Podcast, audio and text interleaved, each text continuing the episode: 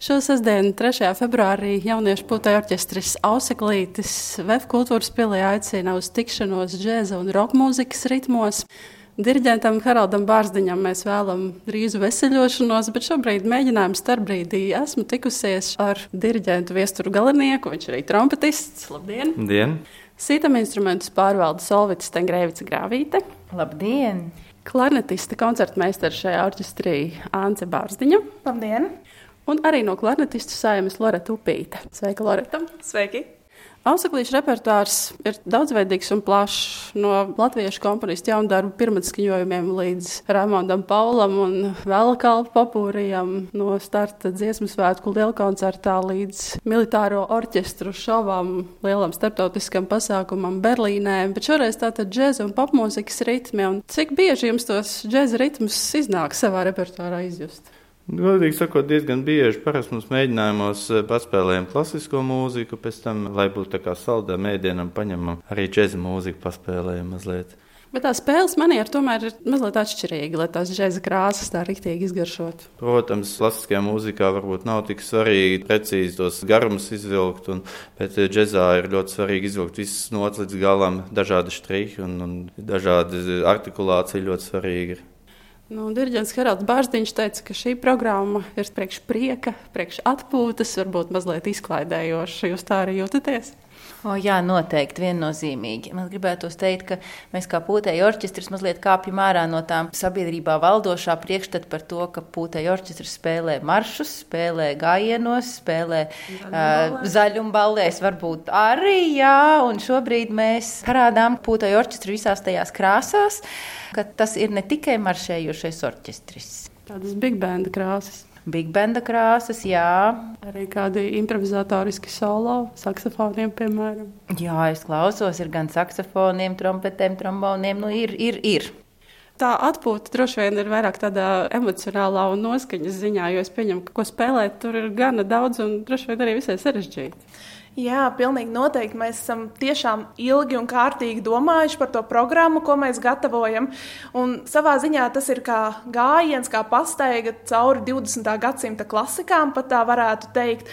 Un tur ir gan no pašiem sākumiem, gan Charlestona mūzika, gan swinga mūzika, gan jau arī vēlāk roka mūzika, kvīna ritmi parādās mūsu programmā. Tā kā ir bijis ko gatavoties, mēs tiešām esam centušies pēc mūsu labākajām spējām. Un man liekas, ka tiešām tiešām publikai būs ļoti, ļoti jauks vakars sestdien. Loreta ir priecīga un izklaidējoša. Jā, ir. Es noteikti piekrītu. Man ļoti džēzus patīk. Ir grūti no sākuma saprast, kā ritmu spēlēt, bet tā kā izprot, tad var noteikti spēlēt līdzi. Tur vajag izjust mūzikas sajūtu un saspēlēt kopā ar visiem Nu, pirmkārt, jau tā mūzika ir jāmīl un jāizjūt. Nu, tur jānāk no sirds, ir nospēlēt notis, ar to vien nepietiks. Tur ir jābūt iekšā tai dzīvībai, tur jābūt iekšā mīlestībai uz to, ko tu dari. Un, manuprāt, mums tas izdodas, un es esmu ļoti priecīga par to, ka mēs esam sadūšojušies tādam koncertam, jo paši gūstam milzīgu prieku no tā. Džordžs Geršvins, Henrijs Mansīnī, kaut kas no Queen, tas būs tādas visiem klausītājiem zināmas melodijas. Pilnīgi noteikti, jā. Tur būs no Queen, uh, We Are the Champions, Pink Panther un, un citas vēl ļoti, ļoti labi zināmas melodijas. Nu jā, Džordžs Geršvins, Evagatrism. Tā ir tāda džēza klasika, kura ir dzirdēta daudzos un dažādos aranžējumos. Kam ir jābūt, lai tas aranžējums būtu veiksmīgs, lai viss tas izklausītos samāksloti, kā tas reizēm papūrījus veidojot, tomēr gadās? Jā, nu, popūri ir tādi eh, dažādas tēmas saliktas kopā, un tur tiešām jājūt, kuras melodijas var sajiet kopā un kuras nevar. Tāpat tās tam aranžētājiem ir ļoti labai harmonijas izjūtai jābūt, lai viņš spētu arī tos instrumentus salikt tā, lai tas izklausītos ļoti labi. Un it īpaši, zinu, ka Japāņiem šie aranžētāji ir ļoti, ļoti, ļoti meistarīgi. Arī, protams, Amerikā un Eiropā ir, bet eh, īpaši Japāņus gribu uzteikt šajā aranžīs ziņā. Viņiem ļoti simfonizēts skan šis pūtērķis. Šoreiz koncertā uz skatuves būs 44 auseklīšu dalībnieki. Tas ir tāds pilns sastāvs, tik jūs arī esat orķestrī. Tas ir tāds pamatsastāvs. Mums kolektīvā ir ļoti daudz studenti, un tātad viņiem arī ir jāpielāgojas studiju grafikam. Tāpēc ir brīži, kad kāds liels pasākums, kā šis koncerts, ko mēs veidojam, tad mēs arī piesaistam vairāk šos dalībniekus, kas varbūt ikdienas dzīvē nevar paspēt tikt uz katru mēģinājumu. Bet, manuprāt, tā mūsu kopiena, tas mūsu kolektīvs, mēs esam tik ļoti saistīti savā starpā, ka arī, ja ir izlaidies kāds mēģinājums, mēs vienalga viens otru sajūtam, un tas, man liekas, ir lielā mērā arī dēļ mūsu diriģenta Haralda Bārziņa, kurš ir gadu gaitā izveidojis šo pašapziņu orķestra. Un, jā, tā kā varētu teikt, ka 40, 50 dalībnieki mēs esam pamatsastāvā, bet mēs vienmēr arī gaidām iepriekšējos auseklēnus, kā mēs saucam viņus, un viņi arī vienmēr ar prieku mums pievienojas, it sevišķi uz lielākiem pasākumiem. Es saprotu, ka šajā reizē jūs jau īpaši gaidāt tos auseklēnus, jo jums ir iecerēts ne tikai koncerts, bet arī tāda tikšanās pašiem savā sastāvā ar varbūt bijušajiem dalībniekiem. Jā, ļoti priecāsimies satikt bijušos dalībniekus. Īpaši vēlēšanās tā bija no Haralda Bārziņa puses, ka viņš gribētu pulcināt daudzus mūs. Negribu to saukt par salidojumu, bet tāda kopā sanākšana pēc koncerta, mazliet atcerēties bijušos laikus un patiesībā gatavoties mūsu kolektīva 50. dzimšanas dienai, kas būs nākamajā gadā. Šādā kolektīvā, kas ir jau daudzus gadus bijis kopā, protams, tā atjaunošanās notiek. Un, Loreta, tu esi arī viena no tiem jaunākajiem mūziķiem. Tev tā ienākšana orķestrī bija visai strauja. Tu sāki spēlēt šogad, un jau pēc pāris mēnešiem tu startēji Berlīnē lielā starptautiskā pūtēju pasākumā, militāro orķestru šovā. Kas tev bija tas sākums? Sākums bija traks, es godīgi teikšu. Man bija daudzi momenti, kur es stresoju, daudz momenti, kad es domāju, ka Dievs šis ir traki, es nezinu, kā es to visu izdarīšu. Bet beigās mēs aizbraucām uz Berlīni. Berlīnā bija ļoti, ļoti forši. Mēs visi kolektīvs bijām kopā. Mēs kopā spēlējām, mēs kopā nu, apmēram dziedājām ar instrumentiem. Tas bija ļoti skaisti. Un tagad es domāju, ka es jau esmu iegājusi tajā ritmā. Un es sāku saprast vairāk arī džēza mūziku un džēza ritmu. Un es domāju, ka būs ļoti, ļoti labi nākotnē. Un tev arī diezgan ātrā tempā ir jāapgūst visai iespaidīgs jauns repertuāra daudzums, jo arī šī programma ir visai apjomīga. Var tā tikt galā ar visu? Es domāju, ka var, ja daudz spēlē, un ja ir apņēmība, un ja ir griba, tad visu var izdarīt. Anca, kā jūs uzņemat šos jaunākos mūziķus, kas ir tikko sākuši spēlēt ar jums kopā? Īstenībā ir patiešām liels prieks arī par Loretu jaunieši, kuri izrāda iniciatīvu, paši nāk, prasa grupu darbus, papildus, papildus mēģinājumus, iesaka vai jautā padomu par to, kādu noskaņu radīt, kurā skaņdarbā. Tas ir tiešām liels prieks. Es jau auseklītē esmu, laikam, jau šī ir 14. sezona, tāpēc ir bijis tas gods sadarboties ar ļoti daudziem, ļoti veiksmīgiem un profesionāliem klarnetistiem. Tā kā jebkuru jauno mēs uzņemam savā pulciņā un cenšamies nodot visas tās zināšanas un prasmes, kas mums ir tikušas kādreiz kādreiz nodotas, un tā arī, man liekas, auseklīdz dzīvos priekšu paudžu paudzēs. Salvits jums un viesturam tas stāsts ar Strielakam ir pat vēl lielāks. Es nu pat saskaitīju, man bail teikt. 39. sezona. Man ir nākamgad 40. būs, jā. Man godīgi sakot, ir laikam desmit gadi būs šajā gadā, 2014. gadā, laikam uz Tallinu pirmo reizi brauc ar auseklīti. Man tas stāsts varbūt ir pietiekami liels, bet tāpat laikā ne tik liels kā dažiem citiem, Selvitai vai, vai Artūram, kas ir vīrs, un Ancei arī lielāks, un arī, arī dažiem citiem, kas varbūt ikdienā netiek tik labi uz auseklīt, bet tiem arī ļoti liels stāsts. Zalvits, jūs jau tos priekšstats mazliet pieminējāt par to, kādi klausītājiem ir bijuši priekšstati par putāju orķestra tradicionālā izpratnē. Bet jums pašai arī nācās laust to priekšstatu par to, ka sitam instrumenti ir vīriešu pasauli. Nu jā, tai 85. tālajā gadā, kad es sāku, meitenes ļoti maz orķestros spēlēja citam instrumentus, jā. Lai gan tieši sastajā vidusskolā man iedvesmoja divas manas kolēģis, kas eh, jau pirms tam bija spēlējuši, bet kopumā dziesmu svētku estrādē ļoti reti, kad redzēju meitenes pie citam instrumentiem. Šobrīd situācija ir stipri mainījusies. Un jūs zinājāt, ka jūs gribat pie citam instrumentiem strādāt? O, jā, es zināju, pirmkārt, ka es gribu spēlēt orķestrī. Tā kā man liktenis bija lēmis spēlēt klavierus, es sapratu, ka tas nav savietojams. Tad man nācās ātri domāt, ko es varētu. Un tajā laikā bija tāda pionieru kustība, kurā bija pionieru bundzinieču ansamblis. Tas bija mans ievads nonākšanai auseklītī. Pateicoties manam skolotājam Jānim Vaivadam, kas mani saredzēja un piedāvāja mani Haraldam Bārziņam, tā nu es šeit esmu.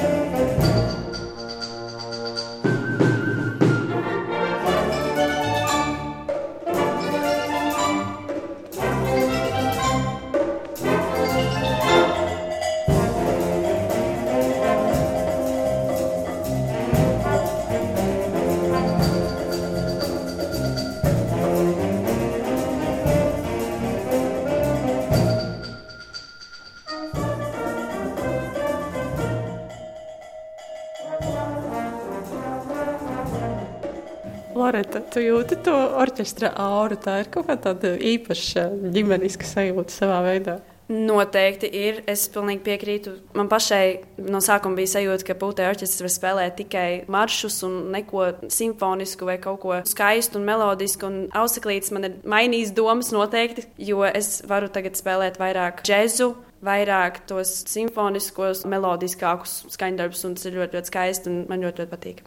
Savukārt ar to maršu soli ciešāk kopā saistās orķestra defilē. Viestur tas atkal jūsu stiprais punkts. Jā, pilnīgi noteikti. No nu, skolas orķestra principā ņemos jau apmēram arī desmit gadus. Un tas ir tiešām milzīgs darbs, sagatavot no septembra to defilē un beigās parādīt tajā maijā, kad top pirmie soļi, pirmās kustības, mēģinam iemācīt to mūziku, un tad tas viss tiek likts kopā no sākuma sporta zālē, pēc tam arī ārā, un, un beigās 7. maijā tā kā kulminācija tiek parādīts šis defilē krāšņais uzvedums. Kā ir iespējams apvienot spēlēšanu, šos defilē soļus, kustības? Varbūt klarnetēm tas ir mazliet vienkāršāk, bet iedomājos trombonus, kādus lielos masīvos instrumentus. Kā to var apvienot?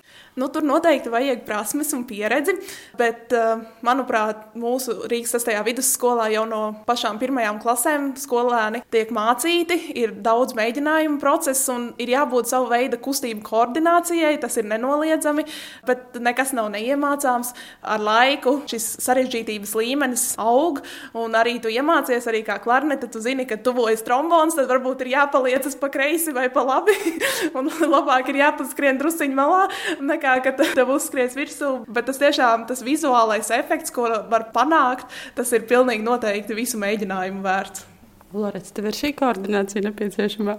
Jā, man ir. Nu, tīpaši, ja ir grūtāk jāspēlē un grūtāki soļi, tad ir brīžiem grūti sakombinēt gan soļus un spēlēšanu. Tad vai nu es tikai spēlēju, vai nu es tikai soļoju. Un ko tad dara vadītājs?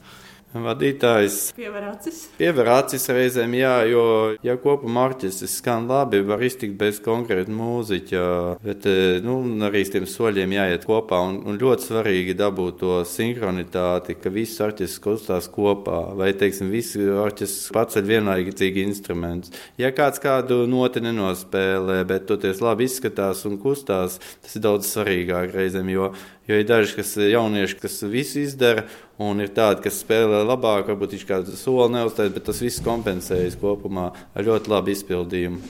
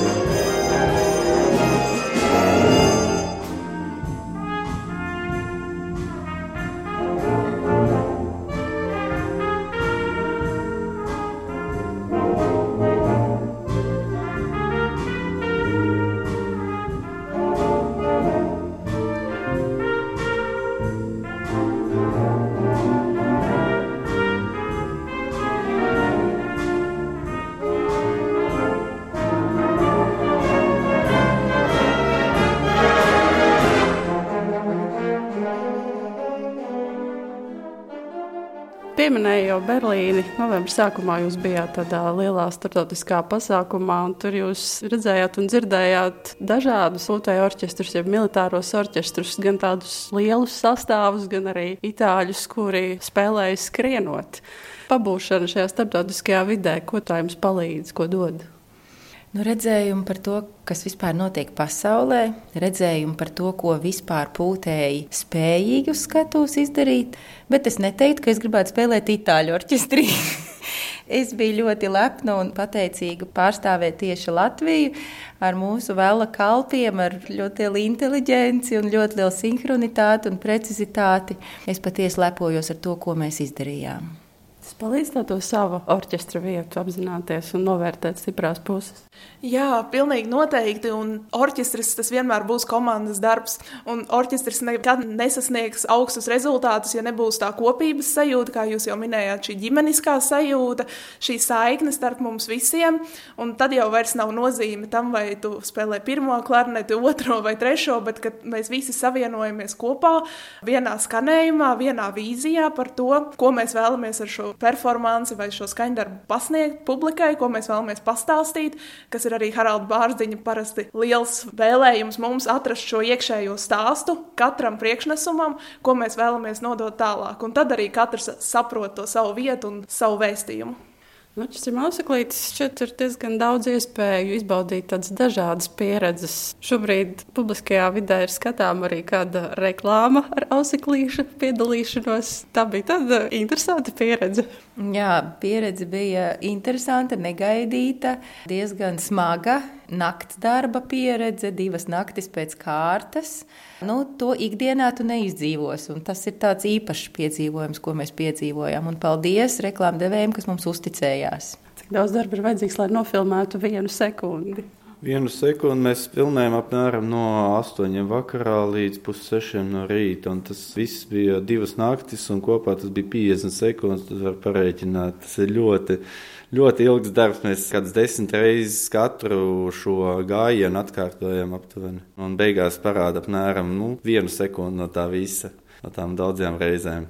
Ir kaut kas tāds, kas jums nāk prātā, ko Osaklīts vēl nav izbaudījis, kas jums vēl ir priekšā? Varbūt kā teiksim, kaut kādi ārzemju latviešu dziesmu svētki kaut kur Austrālijā vai Kanādā o, vai kaut kur citur. O, jā, es labprāt, es parakstos. Tas varētu būt interesanti. Jā. Nu, mēs uz kuģiem esam spēlējuši pat vairākas reizes. Lidostās esam spēlējuši. Nu, pieredze ir vis, visdažādākā. Ir ārkārtīgi interesanti šī tāda pieredze, kuru tu nevari nekādā veidā citādāk iegūt, kā tikai spēlējot auseklītī vai nu, jebkurā citā kolektīvā, kas piedalās pasākumu organizēšanā. Šobrīd sestdienu gaidām ar koncertu Vēf kultūras pilī tikšanās džeza un roka mūzikas ritmos, lai jums tiešām izdodas gan pašiem izbaudīt, gan arī klausītājus priecināt.